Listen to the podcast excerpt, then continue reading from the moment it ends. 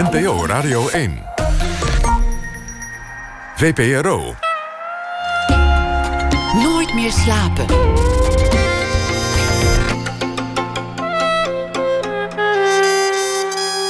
Met Pieter van der Wielen. Goedenacht, dit is Nooit meer slapen. Er waren ook correspondenten die na een krappe week in tranen de hoofdredacteur belden of ze police terug mochten. En er waren er ook die nooit meer genazen van hun liefde voor de overkant, voor het Verenigd Koninkrijk. En zo een zit tegenover mij, Peter de Waard. Het is alweer een eh, aantal jaar terug dat hij Groot-Brittannië mocht verslaan voor de krant, de Volkskrant. Maar de fascinatie bleef altijd. En samen met Patrick van IJzendoorn heeft hij een boek geschreven, Order, Order, over de geschiedenis van de Brexit. Een verhaal dat hij vroeg laat beginnen, al bij Winston Churchill. De Britten waren nog niet eens erbij of ze gingen alweer een beetje weg. Peter de Waard, geboren in 1955, zoon van bolleboeren. Schrijft uh, meerdere boeken in zijn leven over Engeland voornamelijk. Schrijft al jaren een economische rubriek voor de Volkskrant. En hij schrijft, naar Brits voorbeeld, necrologieën in de krant. Peter de Waard, hartelijk welkom. Ja, goedenavond. Hoe, hoe, was het om daar aan te komen in Engeland? Toen je er net moest gaan werken, om, om je draai te vinden? Nou, ik raakte verdwaald. Dat was het eerste wat gebeurde. Ik had toch helemaal eigenlijk niks voorbereid. Het, uh, het is, gebeurde vrij onverwachts. Mijn voorganger was Bert Wagendorp. En uh, ja, die beviel het niet zo goed in Engeland. Die kon niet tegen de Engelsen. En die dacht van, uh, nou ja, ik vertrek maar voortijdig. En toen zochten ze iemand anders. Nou ja, de krant ik werkte toen bij de economierubriek van de krant. En we schreven de pagina 2 uh, vol. En Pieter Broertjes, die was toenmalige hoofdredacteur... die vond dat er eens een keer veranderingen moest komen. Die pagina 2, dat moest maar eens ophouden te bestaan. Er moest een heel katern komen met economisch nieuws.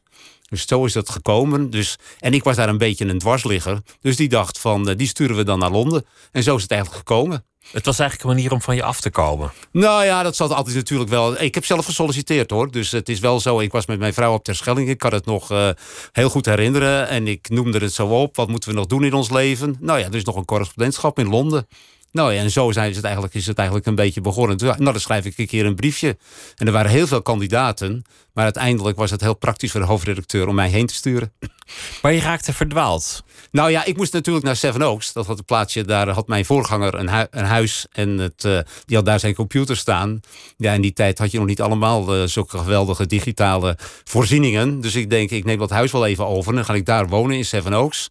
En het, uh, daarna zoek ik wel een mooi huisje in Londen. Want ik wilde eigenlijk wel in de stad wonen. En hij woonde er buiten. Hij had kinderen daar zitten op de lagere school. Dus dat was het... Dus ja, die, uh, die keuze. Dus voorlopig zou ik dat even doen. Ik zou het voor twee, drie maanden doen. Dan zou ik gaan kijken naar een huis in, in midden in de stad. Maar goed, hij had een heel riant huis. En het, uh, op weg daarna. Ja, toen moest ik op een gegeven moment zoeken. Het was de tijd dat er natuurlijk nog geen ZNEF was. Hè? Geen satellietnavigatie, geen TomTom. -tom. Dus ik reed daar naartoe. En het, uh, ja, ik moest even wennen aan het linksrijden en dat soort dingen. En op een gegeven moment, ik kon dat toch niet vinden. En ik ga naar die Engelsen toe en ik vraag de weg. En ik moet uh, dus bij de Lyndhurst Drive zijn in Seven Oaks. Nou, het was een beetje een nieuwe buurt, dus heel veel mensen kenden het niet. Dus ik heb daar nog met een cricketveld uh, gestaan, kan ik me herinneren, met mijn vrouw. Heel veel discussiëren, want het was al laat in de avond. We gingen daar net naartoe. Jezus, waar moeten we nou naartoe? Ik word er doodziek van.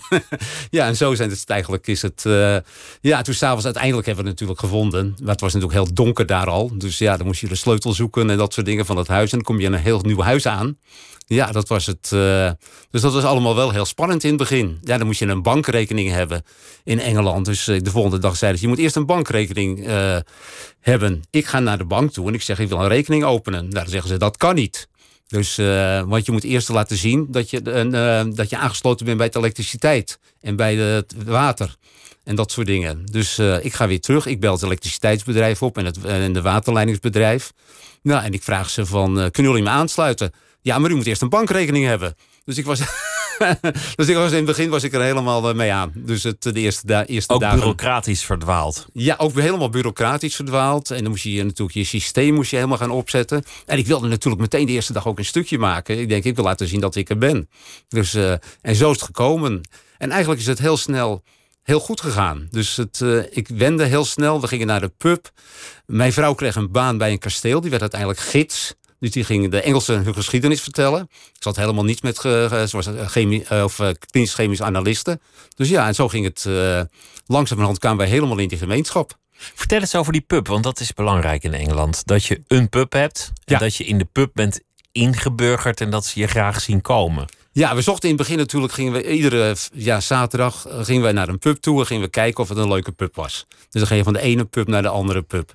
Nou, aanvankelijk konden we dat niet echt vinden. Er waren te veel eh, hele jonge mensen of dat niet zo, eh, niet zo leuk. En op een gegeven moment kwam er een pub en die heette de Hallway House. En dan kwamen we binnen en er stonden er twee mensen. De een was een treinmachinist en de ander was een bouwvakker. Ja, en die vonden ons wel, ik denk met name mijn vrouw, die vonden ze dat wel heel leuk. Nou ja, er kwam een leuk gesprek. Nou ja, en zo, dan gaan we de week daarna weer toe. En voordat we het weten, hadden we ontzettend veel kennissen. En dan eh, kwam je ook bij de Engelsen thuis. Want aanvankelijk lukt dat heel moeilijk. Hè? Engelsen houden toch heel erg hun sociale contacten beperkt tot de pub. Nou ja, en uiteindelijk zijn we natuurlijk bij hun thuis gekomen. En ik heb toen, eh, ja, zeven jaar later, een geweldig afscheidsfeest gehad. Hoe, hoe is het om, om zo'n pub te hebben? Betekent dat dat je daar dan meerdere keren per week na je werk naartoe gaat? Traditioneel wel, maar dat was in mijn tijd was dat al langzaam aan het veranderen hoor. Ik ging niet eh, om vijf uur s middags eh, naar de pub, want eh, dan moest ik nog schrijven. Dus meestal ging ik zo twee keer, drie keer per week. Dan ging ik erheen en dan gingen we om een uur of tien heen. En dan, ja, de pub ging natuurlijk in die tijd toch altijd om elf uur dicht. Nou, dan nam je twee van die grote kelken met bitter. Hè, twee van die grote pints. Nou ja, dan, was je, nou, dan had je dat wel voldoende gehad. Dus een bier van 3, 4 procent. Dus het licht bier. Nou ja, dan ging je weer naar huis en de volgende dag was je weer heel fris. Kon je bij wijze van spreken weer een stuk hardlopen. En regel je dan ook alles in de pub? Als je, als je dan voortaan een eh, bankrekening moet hebben of zo, ga je dan naar de pub en zeg je: Ken jij nog iemand in het bankwezen? Want ik heb een rekening ja, dat heb ik nodig. natuurlijk wel heel veel gedaan. Natuurlijk, met de mensen uit de pub gingen we op een gegeven moment ook wandelen. Dat deden we dan op zaterdagochtend. En dan gaan we weer terug naar die pub. Ja, je begint wel een deel uit te maken van een soort familie. Het is wel een soort familie, die pub. Ze hebben natuurlijk stamgasten, regulars worden ze genoemd. Nou ja, dat was wel ideaal om dat daar eh, te hebben. En het, eh, nou, wij hadden hele goede relaties met, eh, met allerlei mensen. Dat, dat zal voor mij toch altijd Engeland zijn. Het sociaal leven van Engeland speelt zich af in de pub. Wil je Engeland begrijpen, dan moet je te raden gaan in de pub. Wil je iemand kennen, vraag je: Wat is jouw pub? Mijn ideale pub Nee, dat, is, dat is volgens mij waar je iemand aan kunt herkennen in, in Groot-Brittannië. Ik had een pub waar eigenlijk een klasseloze pub. Er kwamen mensen uit, eh, uit wat rijkere milieus. Er kwamen natuurlijk ook eh, mensen van de politie. Er kwamen ook mensen van de, de bouwvakkers, zei ik net. De treinmachinist. Er kwamen jongeren. Er kwamen kunstenaars kwamen er ook. En het was gewoon een gezellig kleine pub. Dus niet, eh, en er stonden geen televisies aan. Dat je meteen met, natuurlijk met Eurosport en dat soort dingen. Het was echt een praatpub. er stond er geen muziek op. Dus het was echt, je ging ook praten en je ging grappen maken over cricket. En eh, dat wij daar niks van konden en zo. En dat soort dingen werden, werden ook gezegd. En, en de Nederlanders werden natuurlijk ook afgekraakt. Hè. We kregen ook vaak te horen van het, eh, dat we de oorlog meteen ons hadden overgegeven. Aan de hoog, die Hollander. dus dat werd als grapje werd dat tegen, tegen ons gezegd. Van het, eh, als wij in een beetje die Engelsen gingen pesten, dan kreeg je gauw dat. eh, Terug dat je een lafaard was. ja, dat, eh, nou, dat, dat was gewoon gepest. Dat was humor ook een beetje. Hè?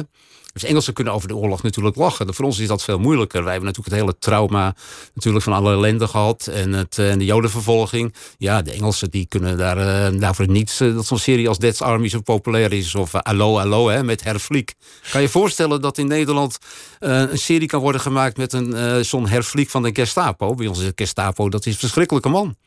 Voor de Engelsen is de Tweede Wereldoorlog voor een deel nostalgie. Het, het is niet de traumatische tijd die het in Nederland, België, Frankrijk of, of Duitsland is. Het, is. het is een tijd van glorie ook wel. Ja, het is een triomf. En voor ons is het een tragedie. Dat was ook het grote verschil natuurlijk met Europa. Dat was natuurlijk helemaal berooid na de oorlog. En de Engelsen voelden zich machtig. Dat was natuurlijk een. eh, ja, eh, ze, hadden, ze hadden het gewonnen. En zij behoorden tot de grote drie, hè, natuurlijk. Met eh, Churchill, Stalin en Roosevelt. Dat was natuurlijk. zij behoorden. Zij, ja, ze hadden nog een imperium. Ze waren natuurlijk een ontzettend machtige natie. Zo voelden ze dat ook.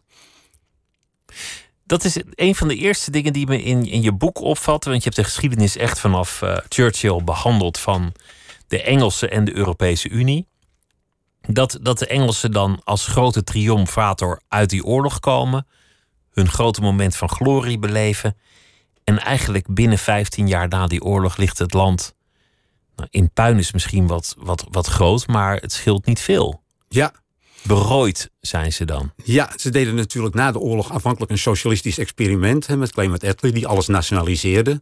Nou ja, uh, en toen kwamen ze uit bij de wet van de remmende voorsprong. Dus in Engeland, uh, ja, de industrie was al een beetje verouderd. Uh, er was heel veel van voor de oorlog nog behouden. De Duitse industrie was helemaal natuurlijk plat gebombardeerd. Die moesten alles opnieuw doen. De Duitse werkethos was na de oorlog heel groot. Hè. Men wilde het land weer opbouwen.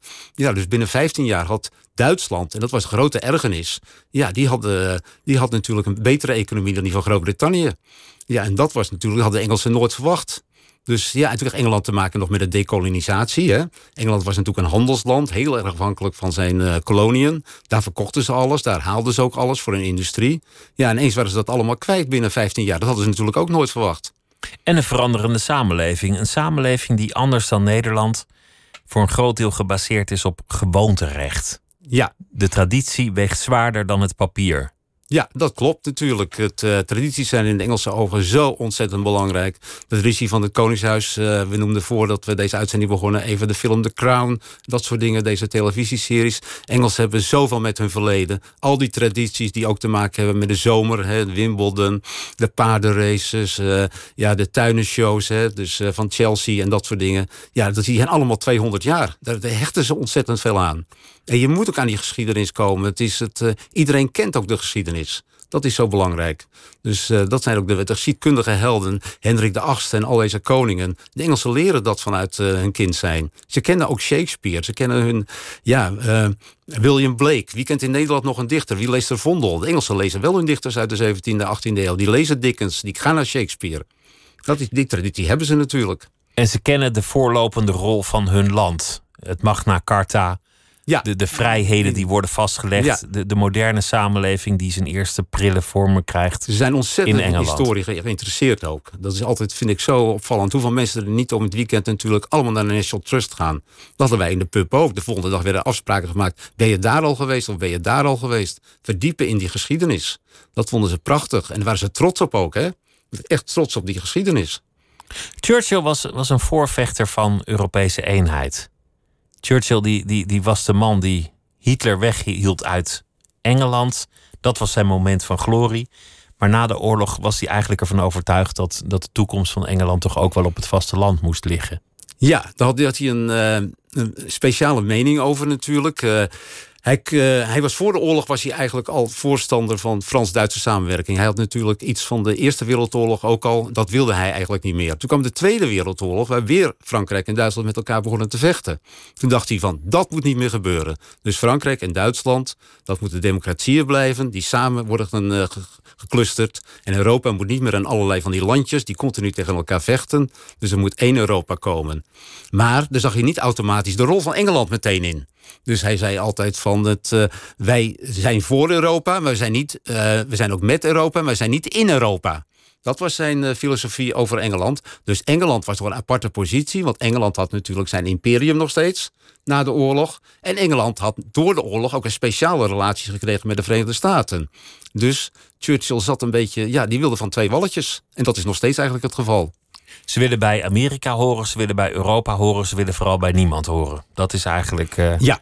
hoe het zit. Ja, ze denken ook nog altijd een speciaal volk te zijn. Dat vind ik ook zo heel erg opvallend van de, van de Engelsen. En dat wordt eigenlijk, de buitenwereld dringt ze dat ook een beetje op, vind ik zelf. Van het, uh, kijk, als we natuurlijk uh, gaan, de hele wereld denkt dat de BBC de beste omroep is. Dat vinden het Engelsen geweldig. Wij hebben de beste omroep. De hele wereld is, uh, ja, kijk naar Engelse krimis, kijk naar Engelse kostuumdrama's. Uh, de meeste grote Hollywood-acteurs zijn vaak Britten. Uh, ja, in de Gobi-woestijn kan je naar de Premier League kijken. Naar welke voetbalcompetitie kan je dat, kan je dat nog doen? Dus is het, in heel veel dingen zijn ze toch heel speciaal. Zelfs het Engelse Koningshuis. Kijk, we vinden Harry, daar weten we meer over dan, dan over Prins Constantijn, onze eigen prins.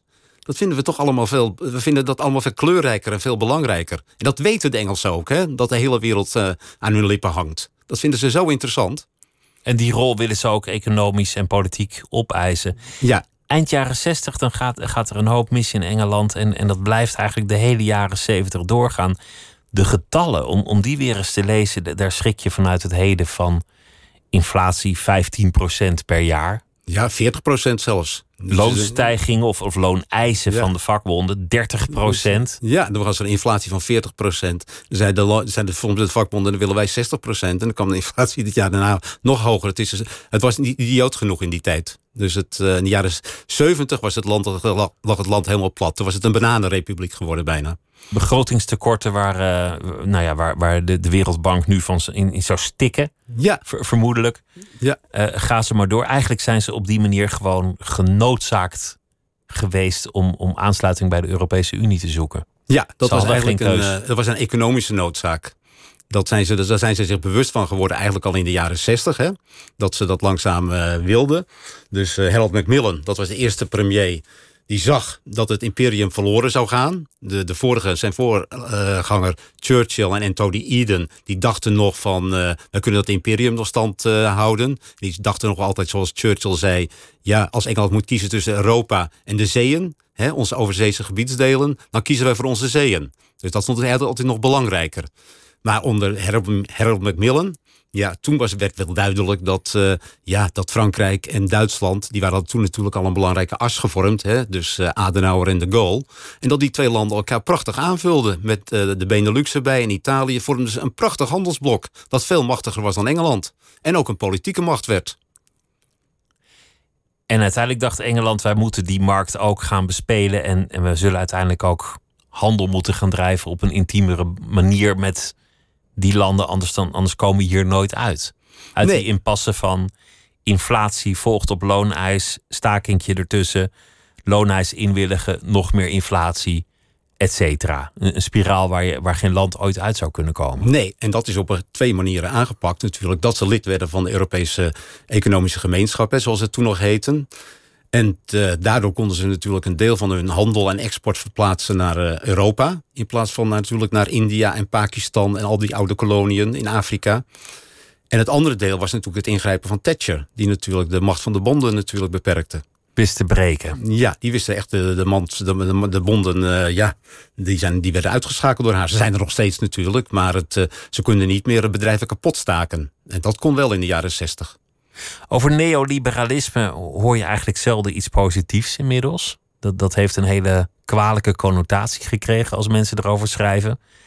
Maar destijds was het zo dat, dat het een wondermiddel was. Eindelijk iemand die dat land weer op de rails kreeg. Voor Engeland heeft het heel goed gewerkt. Dat eh, weet ik zeker, omdat het natuurlijk de overgang heeft mogelijk gemaakt van een industriële samenleving. Dat had natuurlijk een archa archaïsche industrie. Dat werd natuurlijk helemaal, eh, dat ging ten onder. De autofabrieken, hè, Leyland en zo, die we kennen ze niet eens meer.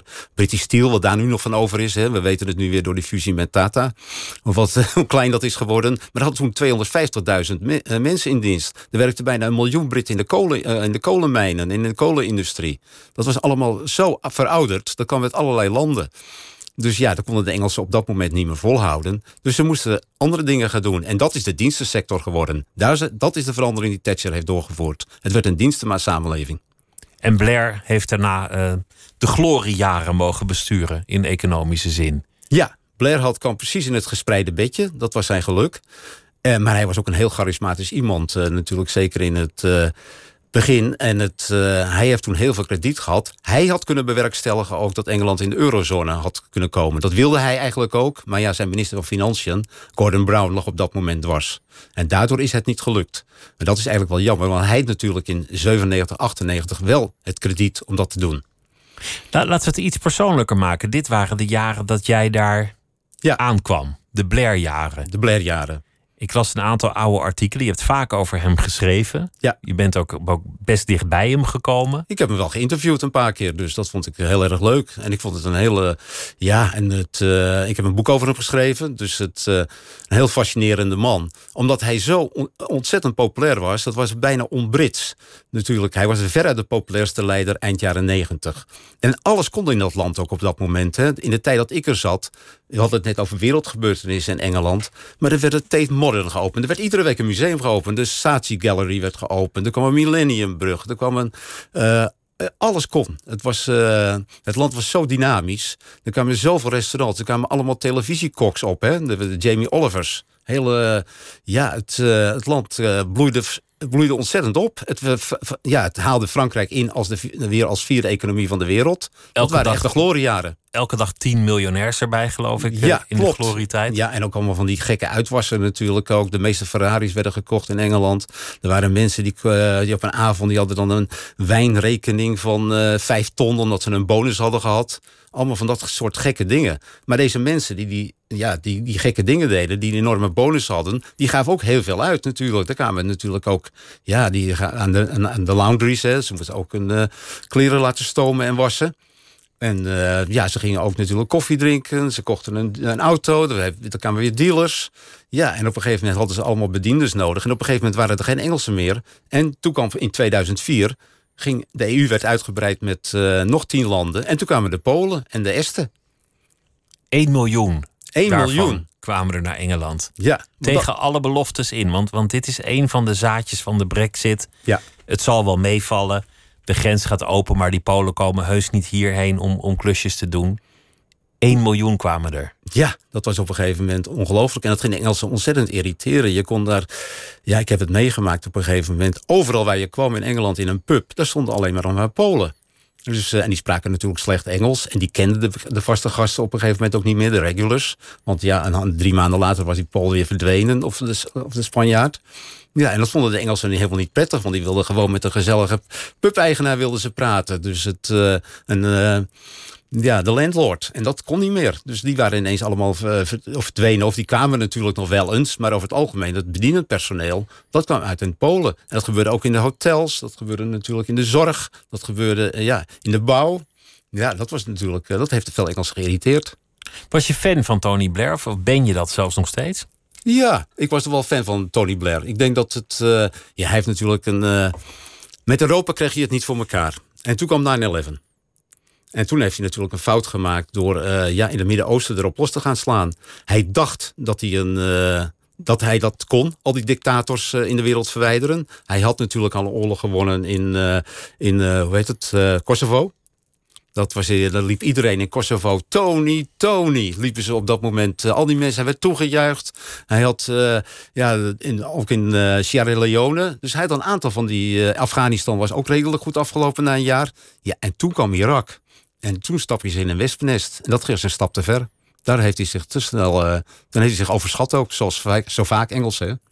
Chirac die heeft hem een, een briefje gestuurd. Toen hij, toen hij net bevallen was van een, eh, een zoon. En zij zal je over twintig jaar. Ja, die zoon nog echt in je ogen kunnen kijken. Die zoon in de ogen kijken als de man die een onterechte oorlog in Irak is begonnen. Ja. Een, het is een hard briefje. Wel een lekker duidelijk briefje, moet je hem nageven. Ja. En we weten inmiddels, bijna twintig jaar verder, dat, dat het inderdaad zo is. Maar hij heeft nooit zijn spijt betuigd hoor. Hierover. Maar hij zal altijd de man zijn die Irak aan hem heeft kleven. Ja, hij zal altijd de man zijn dat in Irak. En dat heeft hem ook zo zijn reputatie gekost. Hij heeft er ook nooit excuses voor aangeboden. Ja, en, het, uh, en dat is natuurlijk, dat is eigenlijk zijn ondergang geweest. Hoewel je wel een heel succesvolle premier kan noemen. Als je zegt, wat zijn de drie meest succesvolle premiers van de 20e eeuw? Dan kom je toch uit op Churchill, Thatcher en Tony Blair. Kijk, zijn ook zijn opmerkingen natuurlijk bij de dood van Diana. En zijn uh, voortvarendheid in het eerste jaar van zijn regering. Hè, dat hij, de, dat hij die, de hele ja, onafhankelijkheid, of tenminste niet echt onafhankelijkheid, maar die autonomie van Schotland, Noord-Ierland en Wales. Het Goede Vrijdagakkoord wat hij heeft doorgevoerd. Hè, waardoor de vrede tussen protestanten en katholieken in Noord-Ierland eindelijk eens een keer vorm kreeg. Daar heeft hij toch heel veel gedaan. Maar hij heeft keihard gelogen over massavernietigingswapens. Dat is ook zo. Ja, daar heeft hij... Uh... Mensen bedreigd, onder druk gezet om met hem mee te liegen. Dat klopt. Nee, ik zeg alles wat er over Irak is fout gegaan. Dus het, uh, dat is ook zo. En het uiteindelijk ook... Uh, ja, en hij heeft ook niet gered. Zijn grootste project was natuurlijk altijd nog Europa... of Groot-Brittannië in het hart te brengen van de Europese economische gemeenschap. Hij dacht, als ik met Groot-Brittannië in de Europese economische gemeenschap ben... dan kan ik die as uh, Berlijn, Parijs doorbreken. Dan word ik de grote leider van heel Europa. En dan ben ik net zo groot natuurlijk als uh, George Bush. Dat was echt zijn ding. Hij heeft ook uh, natuurlijk, hij is een paar keer genoemd ook als president van Europa. Dat wilde hij ook heel graag. Toch hij, Engeland was te klein voor hem. Maar als we teruggaan naar de Brexit, want dat was waarom jij terug wilde in de geschiedenis, dan zie je eigenlijk dat die Brexit er altijd al was. De Brexit is nooit er niet geweest. Nee. De, de, de tegenstanders van een integratie van Engeland in Europa hebben altijd, nou ja, soms iets meer soms iets minder dan de helft van de bevolking in de ban gehad. Dat klopt. En dat was natuurlijk anders dan in Duitsland en Frankrijk en Nederland. Dat was natuurlijk eigenlijk 80, 90 procent is altijd voor Europa geweest. Het principe van integratie, uiteindelijk is misschien is de stap, stap te snel gegaan met de uitbreiding. Uiteindelijk waren we allemaal voor. In Nederland, maar ook de Fransen en ook de Duitsers. Iedereen was voor Europa. En dat waren de Engelsen niet. Die waren, toen ze in 1973 erin kwamen, moest er twee jaar later alweer een referendum worden gehouden van uh, blijven erin of blijven er niet in. Toen was er nog de steun van uh, ja, alle kranten. Want het ging zo slecht met de Engelse economie. Ja, dat de meeste mensen dan maar toch maar kozen voor Europa. Want er was wat te halen. Hè. Ja, en in 2016 is dat natuurlijk, was, lag dat even anders. Toen was Engeland natuurlijk, stond er veel beter voor. Toen hebben ze natuurlijk wel gekozen voor uh, net aan. Hè, want het is natuurlijk allemaal net aan gebeurd. En niemand had het verwacht. Maar het, uh, toen hebben ze wel gekozen natuurlijk voor uh, de brexit. Een lange traditie die er altijd al was van anti- Europese sentimenten en een enorme rol voor de pers en dan in het bijzonder Rupert Murdoch. Ja. De, de Australisch-Britse bezitter van vele kranten en tabloids. Ja, die natuurlijk in de jaren tachtig ook zijn positie in Engeland wist te versterken. En ook de establishment, establishment kranten kocht. De Times en de Sunday Times. Daarvoor had hij natuurlijk wel al die tabloids. Maar op een gegeven moment had hij ook die establishment uh, kranten. Ja, toen kon hij natuurlijk de publieke opinie ontzettend gaan beïnvloeden. En dat deed hij ook. Daarvoor gebruikte hij ze ook. Ja, en die heeft natuurlijk uh, ja, toch een hele grote rol gespeeld bij het, uh, ja, de anti-Europese stemming.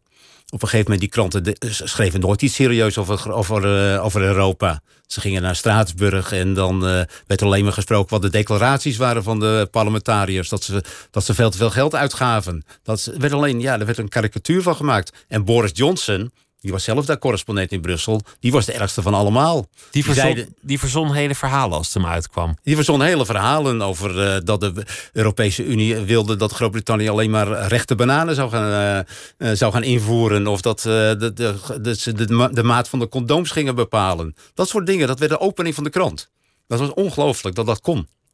En het verhaal dat ze de hoogste wolkenkrabber ter wereld in het centrum van Brussel wilden voor de Eurocraten. Ja. Geen enkele bron. Geen enkele Nooit bron. aan de hand geweest, maar Nee. prachtig verhaal. op Ja, zich. hij verzon het. En het kwam in de krant en het werd nooit gerectificeerd.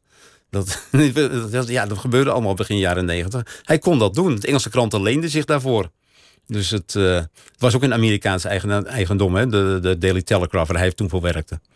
Zag jij het aankomen, die, die brexit? Want de, de Volkskrant was eigenlijk het standpunt toegedaan... dat de Britten uiteindelijk wel verstandig zouden zijn... en er niet voor zouden kiezen. De meeste eh, commentatoren die, die kozen dat standpunt.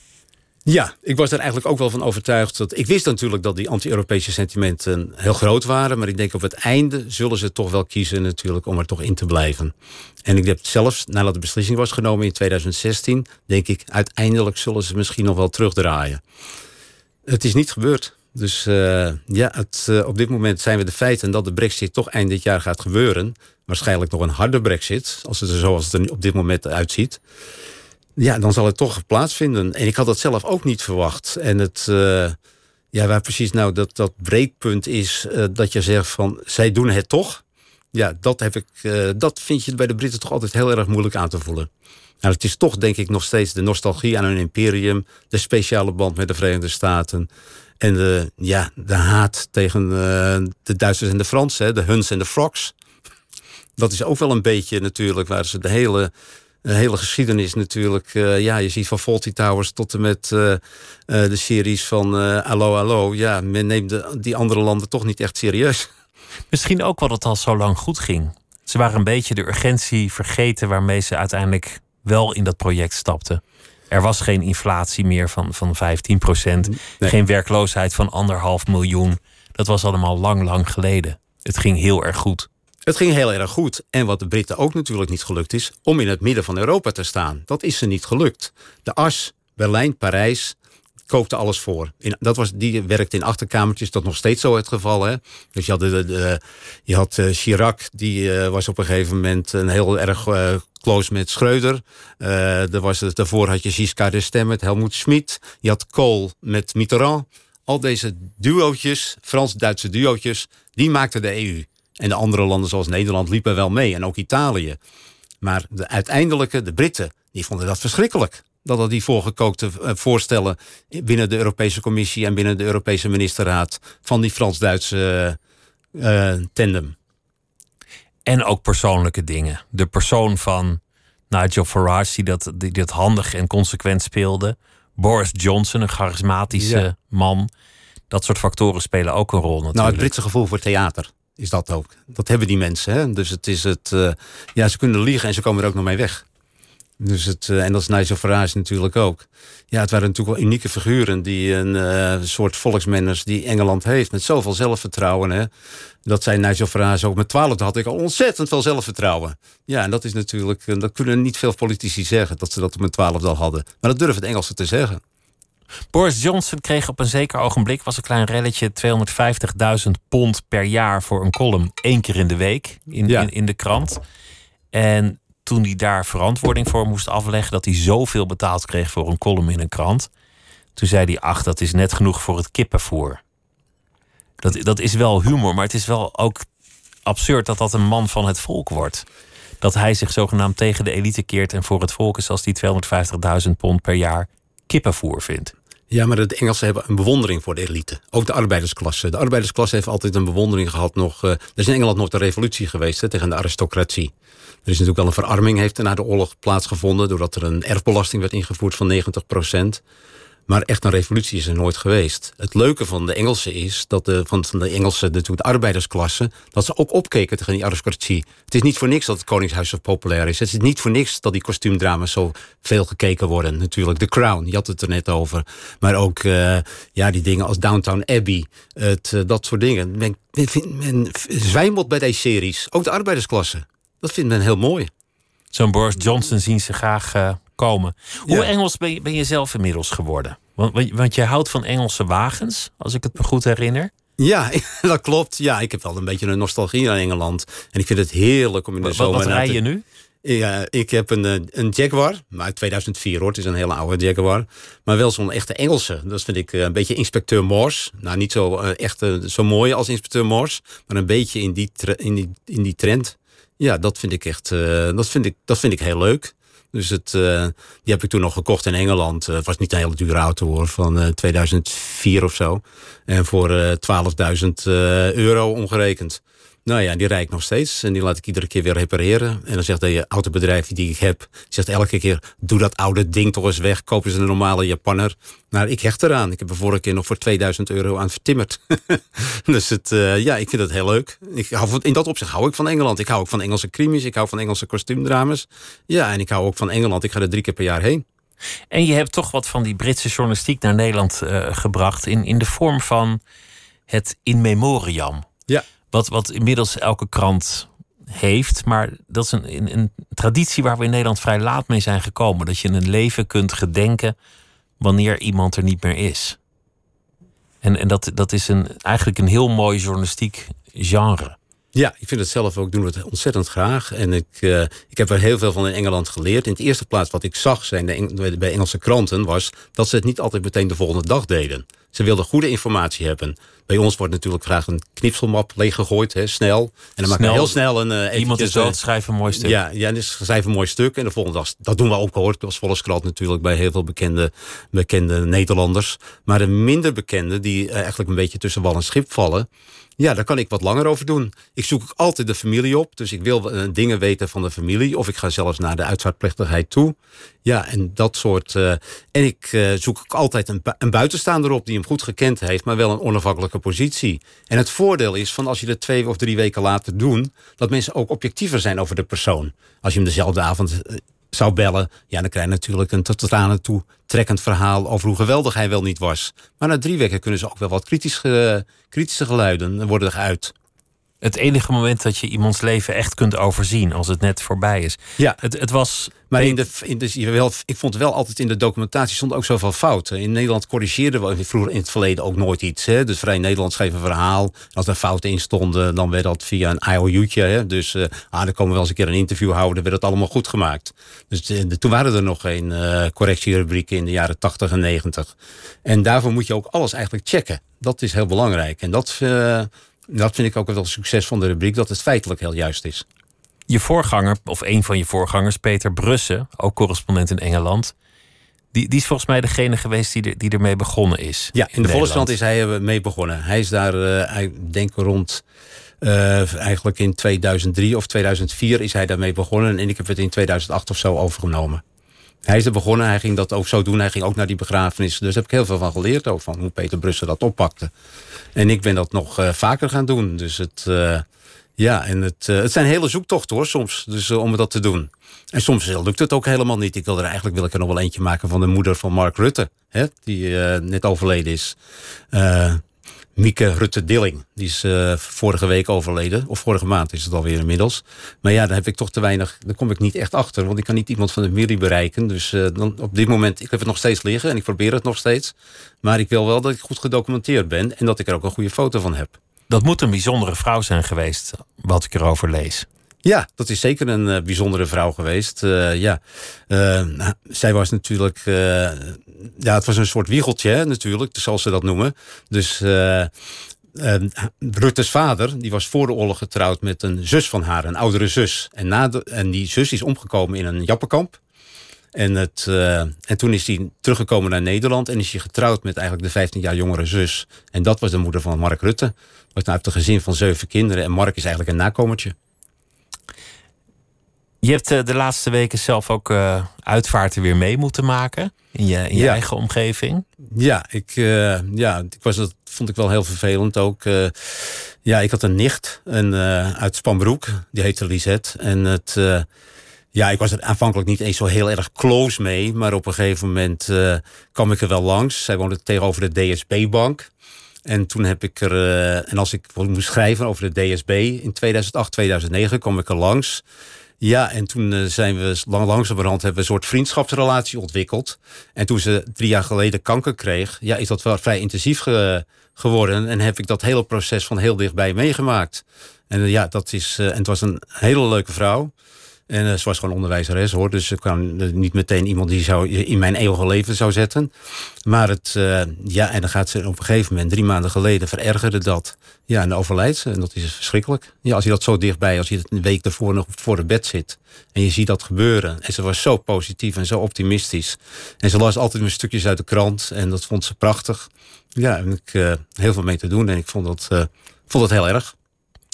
Je hebt ook een liedje meegenomen en dat heeft daar volgens mij mee te maken. Van ja. Coldplay. Toch ja. ook weer Brits. Ja. Viva la vida. Ja, en dat is voor twee redenen. Natuurlijk omdat het gaat natuurlijk... Uh, ja, leef het leven, hè, betekent het Viva la vida. En het gaat natuurlijk ook een beetje over, het, uh, ja, over Groot-Brittannië. Dus het, uh, in zoverre natuurlijk dat het, uh, ja, het land rule the world. Hè, is de eerste zin van, het, van de song.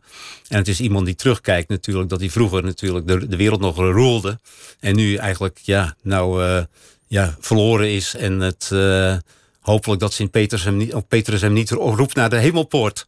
Dus in dat opzicht heeft het wel een dubbele betekenis ook. En ik heb die hele carrière van Chris Martin ook meegemaakt... in de tijd dat ik daar woonde. Het was natuurlijk een jongen van uh, uh, 16 jaar. Die zei van, ik word wereldberoemd. En dat kwam ook een videootje te staan. En dus iedereen iets hartstikke gek. En uh, ja, toen ik wegging, toen vulde hij de stadions in Sao Paulo. Ja, in Kaapstad, in Melbourne, in Moskou. Hele voetbalstadions vol met uh, fans. Dat is ongelooflijk. Dat is ook echt Brits, hè? Want het stuk artiesten hebben wij in Nederland nooit gehad. Die, die zo wereldwijd stadions vullen. Laten we luisteren naar Coldplay.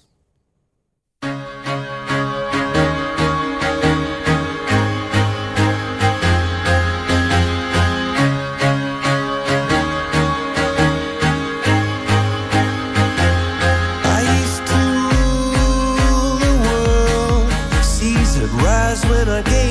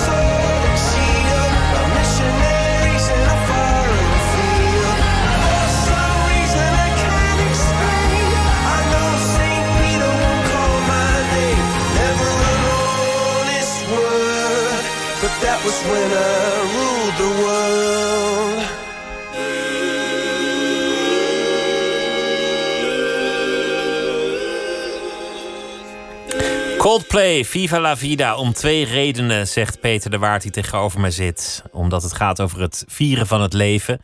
Iets dat hij eh, zichzelf herinnert nu hij recent een aantal uitvaarten heeft moeten meemaken. Maar ook omdat hij eh, de In Memoria schrijft voor de krant. En dat is toch ook een moment dat je het leven kunt overzien als iemand er niet meer is. Een eh, gewoonte die de krant uit Engeland importeerde, waar hij jarenlang correspondent was. Een land dat altijd bij hem bleef in de vorm van eh, de cultuur die hij tot zich neemt. Het teruggaan naar Engeland en het rijden in een eh, Jaguar. En hij excuseert zich meteen een Jaguar uit 2004. Dat mensen niet denken dat hun eh, abonnementsgeld wordt besteed aan de auto van Peter de Waard. Wat natuurlijk wel een beetje waard is, waar is, maar dan via zijn salaris. Want er gaat wat reparatie in zitten in zo'n oude Jaguar. Dat klopt. We hebben het gehad over eh, het boek Order Order, over de geschiedenis van de Brexit. Een geschiedenis die die veel eerder laat beginnen, nog voor de toetreding van Engeland tot de EU. Was er eigenlijk al sprake van er weer uitstappen? Ze zaten er nog niet eens bij. We begonnen bij Churchill, het moment van glorie, de Tweede Wereldoorlog gewonnen. En Engeland is een van de winnaars. En die vrede werd eigenlijk verloren, want daarna werd het eh, land armer en armer, verloor het imperium en kreeg economische malaise over zich heen en werd zo gedwongen om aansluiting bij Europa te zoeken met grote tegenzin. En meteen na twee jaar al een referendum hierover. Je vertelde terloops ook een paar dingen over de geschiedenis van Engeland. Het weten dat je belangrijk bent in de wereld. De aristocratie die nog steeds in hoog aanzien staat. Het belang van gewoonte en traditie. Het kennen van je geschiedenis. Dat soort thema's zijn allemaal belangrijk. En zo zijn we geleidelijk aan uitgekomen bij het punt waar we nu zijn. Brexit is een feit. Of, of denk je dat, dat ze nog ooit terugkomen? Ik denk dat het niet onmogelijk is dat ze ooit terugkomen. Als dit een groot fiasco wordt. Ja, dan staan ze op een gegeven moment weer met hangende pootjes in Brussel. en vragen ze of ze weer terug mogen komen. Daar zijn de Engelsen ook eh, heel goed in hoor. Dus het, eh, ja, dat hebben ze natuurlijk aanvankelijk zeiden ze ook dat ze het niet zouden doen. En als het over een, eh, een tien jaar weer alles veranderd is. En we weten natuurlijk niet hoe dit gaat aflopen. Maar ze halen zich natuurlijk ontzettend veel problemen op de hals. Op dit moment heeft Boris Johnson dus gezegd dat hij hoe dan ook op 1 januari eruit wil. Hij heeft het zelfs wettelijk laten vastleggen. Nou ja, het is niet. De kans dat daar voor, die tijd een akkoord wordt gesloten is tamelijk gering. Hoewel er, zo blijkt ook uit dat boek, eh, toch heel vaak natuurlijk op het laatste moment zijn er belangrijke doorbraken geweest. Dus het zou kunnen. Maar als dat er niet komt, ja, dan zullen er allerlei tarieven worden geheven over en weer. Nou, ik weet niet hoe het dan met de Engelse diensten moet. Met de Engelse, ja, die toch heel veel belangrijke eh, financiële diensten verlenen in Europa. Stort dan de City van Londen in qua werk. En als de Engelse economie niet zo, niet zo goed gaat, gaan al die eh, mensen dan misschien weer terug naar, eh, naar Polen. Ik weet niet hoe dit afloopt. Je hebt inmiddels ook al vele jaren een economische rubriek in de krant, waarbij je elke week toch een origineel thema probeert erbij te pakken. Dat is nu ingewikkelder en alles ligt er ook anders voor vanwege corona. Ook de economische situatie in de wereld is heel ongewis geworden door, door die hele coronacrisis. Ja, en heel bizar. En bizar. En we maken dingen mee die we nooit hadden gedacht mee te maken. Althans niet op korte termijn. Nee, we maken dingen mee als een negatieve rente. En vandaag maken we dingen mee. De ECB heeft besloten vandaag weer voor 600 miljard hè, euro. Ja, staatsleningen gaan op, op te gaan kopen van landen in Europa. En ze hebben al voor eh, ja, bijna 3 biljoen, 3000 eh, eh, miljard euro hebben ze al deze staatsleningen gekocht. Ja, dat betekent dat direct 40% van alle staatsleningen, alle schulden die staten maken om bijvoorbeeld hun onderwijs te kunnen betalen, om hun investeringen te doen in wegen, dat ligt direct bij de ECB. Dus de staat gaat leningen uitschrijven en de staat koopt die ook weer via een onafhankelijke bank ook weer op. Dat is natuurlijk een bizarre situatie. Dat is eigenlijk gewoon de geldpers aanzetten. Dat is het ook. Het is eigenlijk Lucky Luke. Het is eigenlijk Lucky Luke. En dat is geld ook eigenlijk helemaal niet voor bedoeld. Geld is uitgevonden als een ruilmiddel. Hè? Dus eh, jij hebt twee berenvellen en ik heb vijf vissen. En dan denken we van, nou ja, ja moet ik nou vijf vissen ruilen tegen uh, twee berenvellen? Want ik hou niet van vis. Nou, dan moet je weer met je vijf vissen naar iemand anders gaan. En om dat te vergemakkelijken hebben we geld uitgevonden. Dus ja, en nu wordt, gaan we er een, een soort spel mee spelen ja, waar niemand eigenlijk weet waar het einde ligt. Dat is het. Uh, tot nu toe houdt, lukt het allemaal. Dat is maar, het maar het is een gevaarlijk spel. Een van het is de een gevaarlijk spel. Hyperinflatie zou kunnen. Zou kunnen. Dat, zou, uh, dat is een mogelijkheid. Niemand weet het. Op dit moment is het vertrouwen er nog steeds. Hè, zowel in de dollar als in de euro als in de Japanse yen. Maar goed, uh, ja, dat kan een keer wegvallen. Natuurlijk dat we denken, nou ja, dit is zo'n uh, bizar spel. En dan kan je natuurlijk op een gegeven moment situaties krijgen als de Republiek van Weimar. Het is natuurlijk heel moeilijk voor de overheden, want ze moeten ook wat doen. Als ze niks zouden doen, ja, dan kan je eigenlijk ook geen lockdown permitteren. Dan moet je de economie door laten draaien. Net zoals toen tijdens de Spaanse griep uh, na de Eerste Wereldoorlog. Ja, en als je er wel wat wilt doen, dan moet je deze maatregelen nemen. Dat klopt, maar het, het is een heel gevaarlijk spel. En we weten niet wat de toekomst dit zal inhouden. Ik ben geen, uh, veel economen denken het wel te weten. En ik betwijfel dat. Economen zien vaak weten heel weinig. Je noemt de Republiek van Weimar. Dat is meteen het, het grote doemscenario. Dat een, dat een halfje wit 3 miljard kost. Ja. Dat geld nog maar aan één kant bedrukt wordt, omdat anders de inkt het geld niet meer waard is. Nee, dat klopt. Dat zijn van die uh, situaties die zich weer kunnen voordoen. Behalve we zullen het niet meer bij bankbiljetten doen. Hè. Het is nu giraal. Maar op een gegeven moment kan al dat geld natuurlijk niks meer waard worden. En dan word je alleen nog. Uh, ja, op een gegeven moment ontstaat er paniek. En dan gaat iedereen. wil dat geld niet meer. En gaat goud kopen. Of gaat huizen kopen. Of vastgoed. Of landerijen. Ja, en dan is het uh, afgelopen met dat geld. Dat kan natuurlijk gebeuren. Het gebeurt natuurlijk al in landen waar ze niet het geluk hebben dat ze dat vertrouwen kunnen houden in dat geld. Hè? Dus bijvoorbeeld een land als Argentinië of Brazilië, ja, die kunnen dit niet doen. Die kunnen niet uh, staatsleningen uh, uitschrijven en op een gegeven moment zeggen van onze centrale bank koopt dat maar op. Want dan geloven we niet meer in de peso of de real. Dus die landen kunnen het niet doen. Dat is een van de redenen natuurlijk ook dat Bolsonaro zo lang heeft proberen te ontkennen dat er een sprake is van, van een van de coronacrisis corona. in zijn land. Want hij kon er niks tegen doen. Hij kan er niks tegen doen. Hij heeft niet het geld. India heeft dat ook niet, of Indonesië. De euro die stond, die stond er eigenlijk al een beetje wankel voor het laatste decennium. De, we, we, hebben de Griekse crisis gehad, de, de Zuid-Europese crisis gehad. Dus er zitten een aantal lelijke ontwerpfouten in die euro. Ja. De Britten zijn de laatste tien jaar ontzettend blij dat ze daar tenminste niet zijn ingestapt. Maar de Britten hebben ook iets met die ontwerpfout te maken. Hè? Natuurlijk in 92 bij het afsluiten van het verdrag van Maastricht. Toen lag het plan hè, van Jacques Delors om een politieke unie te maken en een monetaire unie. Dus er moest een, een gezamenlijk budgetair beleid komen naast een eigen munt. Maar door de dwarsliggende houding van de Britten is die politieke unie eraf gehaald. Dus op een gegeven moment kwam er alleen maar een monetaire unie.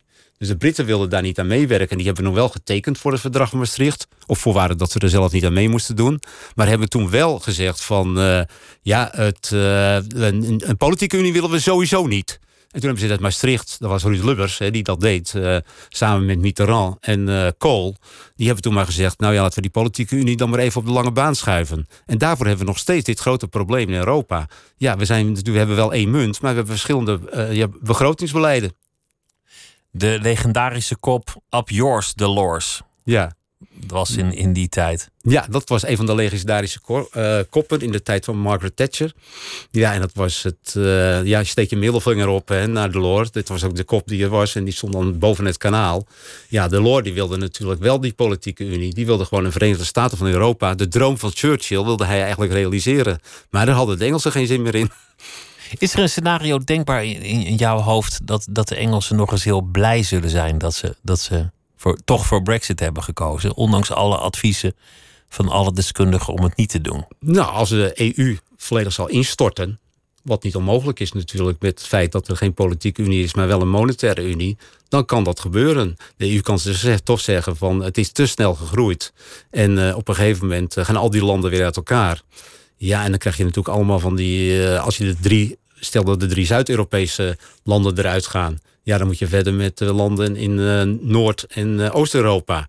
Ja, er komen natuurlijk ook weer eh, spanningen tussen. Er zullen altijd spanningen blijven tussen die verschillende landen. Als we niet één over- overkoepelende Europese regering hebben, dan blijft het toch een. eh, zelfs tussen natuurlijk Nederland en Duitsland komen er dan op een gegeven moment spanningen. Die waren er ook in de jaren tachtig toen er nog geen euro bestond. Ja, dan moest, soms moest de mark meer worden gerevalueerd dan de gulden. Dus toen was er natuurlijk ook wel die, die problemen. Dus die problemen zullen altijd blijven. Dan moet je of besluiten om als landen te fuseren. Ja, maar dat, op dit moment zit dat er niet in. Daar is geen maatschappelijk draagvlak voor. En dan als er maatregelen nodig zijn, zoals we onlangs zagen met, met de corona, dan verwijten mensen elkaar al snel gebrek aan solidariteit of andersom gebrek aan inzet. Ja, Dan merk je dat die solidariteit er eigenlijk helemaal niet zo is. Nee, en dat vind ik ook wel een beetje gek hoor. Ik moet zelf altijd voor mezelf denken van... eh, ja, ik betaal een WW-premie. Dat betaal ik dan voor iemand uit Kerkrade die toevallig werkloos is. Ja, is dat nou zo erg dat ik hem ook nog betaal voor iemand uit Heraklion? Of eh, iemand uit eh, Napels? Is dat, eh, heb ik daar minder mee? In dat opzicht ben ik een wereldburger of een Europeaan... maar eigenlijk nog een wereldburger. Dat maakt mij niet zoveel uit.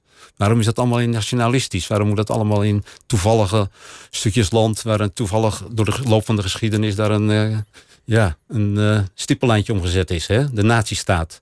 Die zijn ook met toevalligheden. Het gaat erom dat als je premie betaalt en je denkt op een dag zal ik ontvanger zijn, dat, dat je wel premie betaalt. Maar als je premie betaalt en je denkt ik zal er nooit gebruik van maken, maar die ander die doet het al voor de tiende keer, dan Ja, begint iedereen het. in- Binnen de nazistaat heb je toch hetzelfde. Ik had vanmorgen dan een column gemaakt over de VUT. Ik heb jarenlang VUT-premie ge- betaald. Ja, de- op een gegeven moment in 2006 is de VUT afgeschaft. Daar krijg ik nooit een, een cent van terug. Ja, dat is nou eenmaal zo in het leven. Ja, er zijn heel veel mensen, gingen natuurlijk onze generatie hiervoor, die gingen al op zijn eh, soms 58, 60 gingen ze met pensioen. Die kregen al een paar allemaal ideale regelingen. Die zijn er niet meer. Ja, dat zijn van die dingen die eh, ja, dingen veranderen in de loop der tijd. Nu is het echt ongewis, maar zoals het er nou uitziet met, met de brexit, eind van dit jaar, hoe dan ook, gaat het gebeuren? Is het een feit? Dan nou, dat we- is natuurlijk wat Boris Johnson nu zegt. Natuurlijk, dat kan natuurlijk op het einde. Stel dat het echt een harde brexit moet worden, dan kan hij natuurlijk op het laatste moment terugdeinzen. Vorig jaar is hij op het laatste moment ook een keer teruggedeinst. Op 31 oktober 2019 had hij gezegd dat is de absolute datum voor brexit. En uiteindelijk heeft hij het moeten uitstellen tot 31 januari 2020. Toen heeft hij ook met drie maanden. Toen zei dat, en hij zei, dat doe ik niet. Dat heeft hij altijd ervoor gezegd. Ja, dus ja, hij is niet helemaal betrouwbaar dat hij het ook echt waarmaakt. Dus het kan best zijn dat dit circus gewoon nog jaren doorgaat, bedoel je? Dat zou kunnen. Dat zou kunnen. Dat sluit ik niet uit. Dit, dit, eh, ja, hij is er natuurlijk heel veel tegenstand natuurlijk van het Britse bedrijfsleven. Die absoluut niet willen natuurlijk dat zij... eh, eh, ja, op een gegeven moment moet zo'n fabriek in, in Oxford... die moet toch zijn spullen halen uit Duitsland. Onderdelen om, de, om daar de Nissans te assembleren. Ja, als dat niet meer kan, ja, dan wordt het heel moeilijk.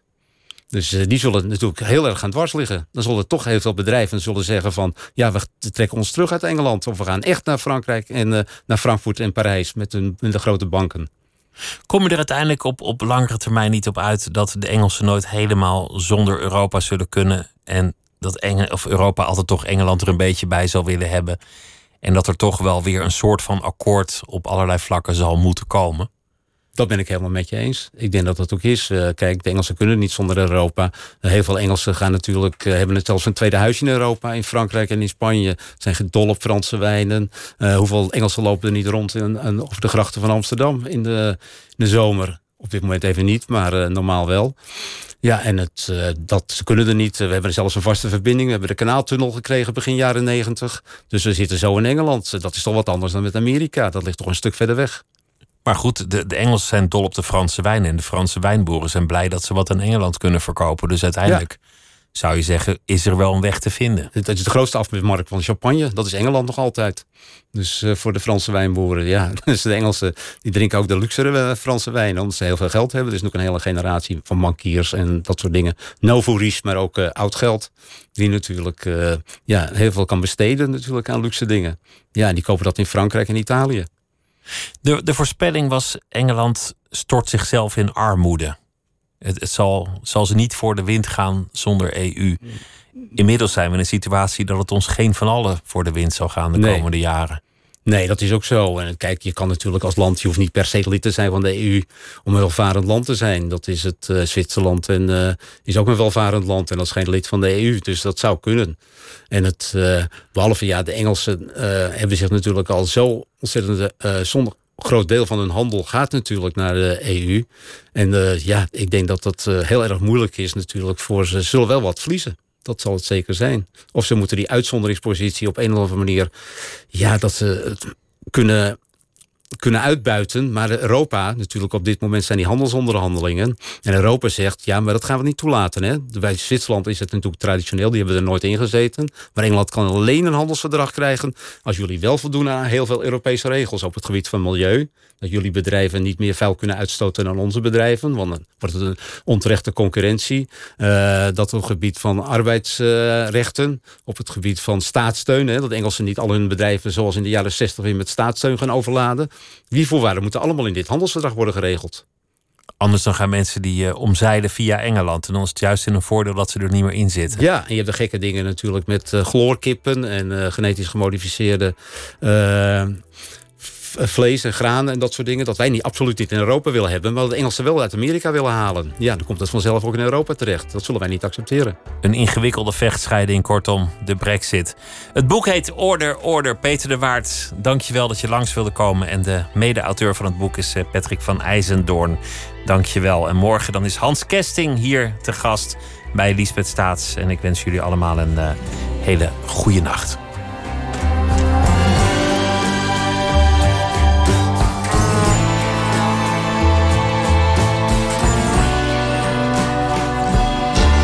Op Radio 1. Het nieuws van alle kanten. NPO Radio 1.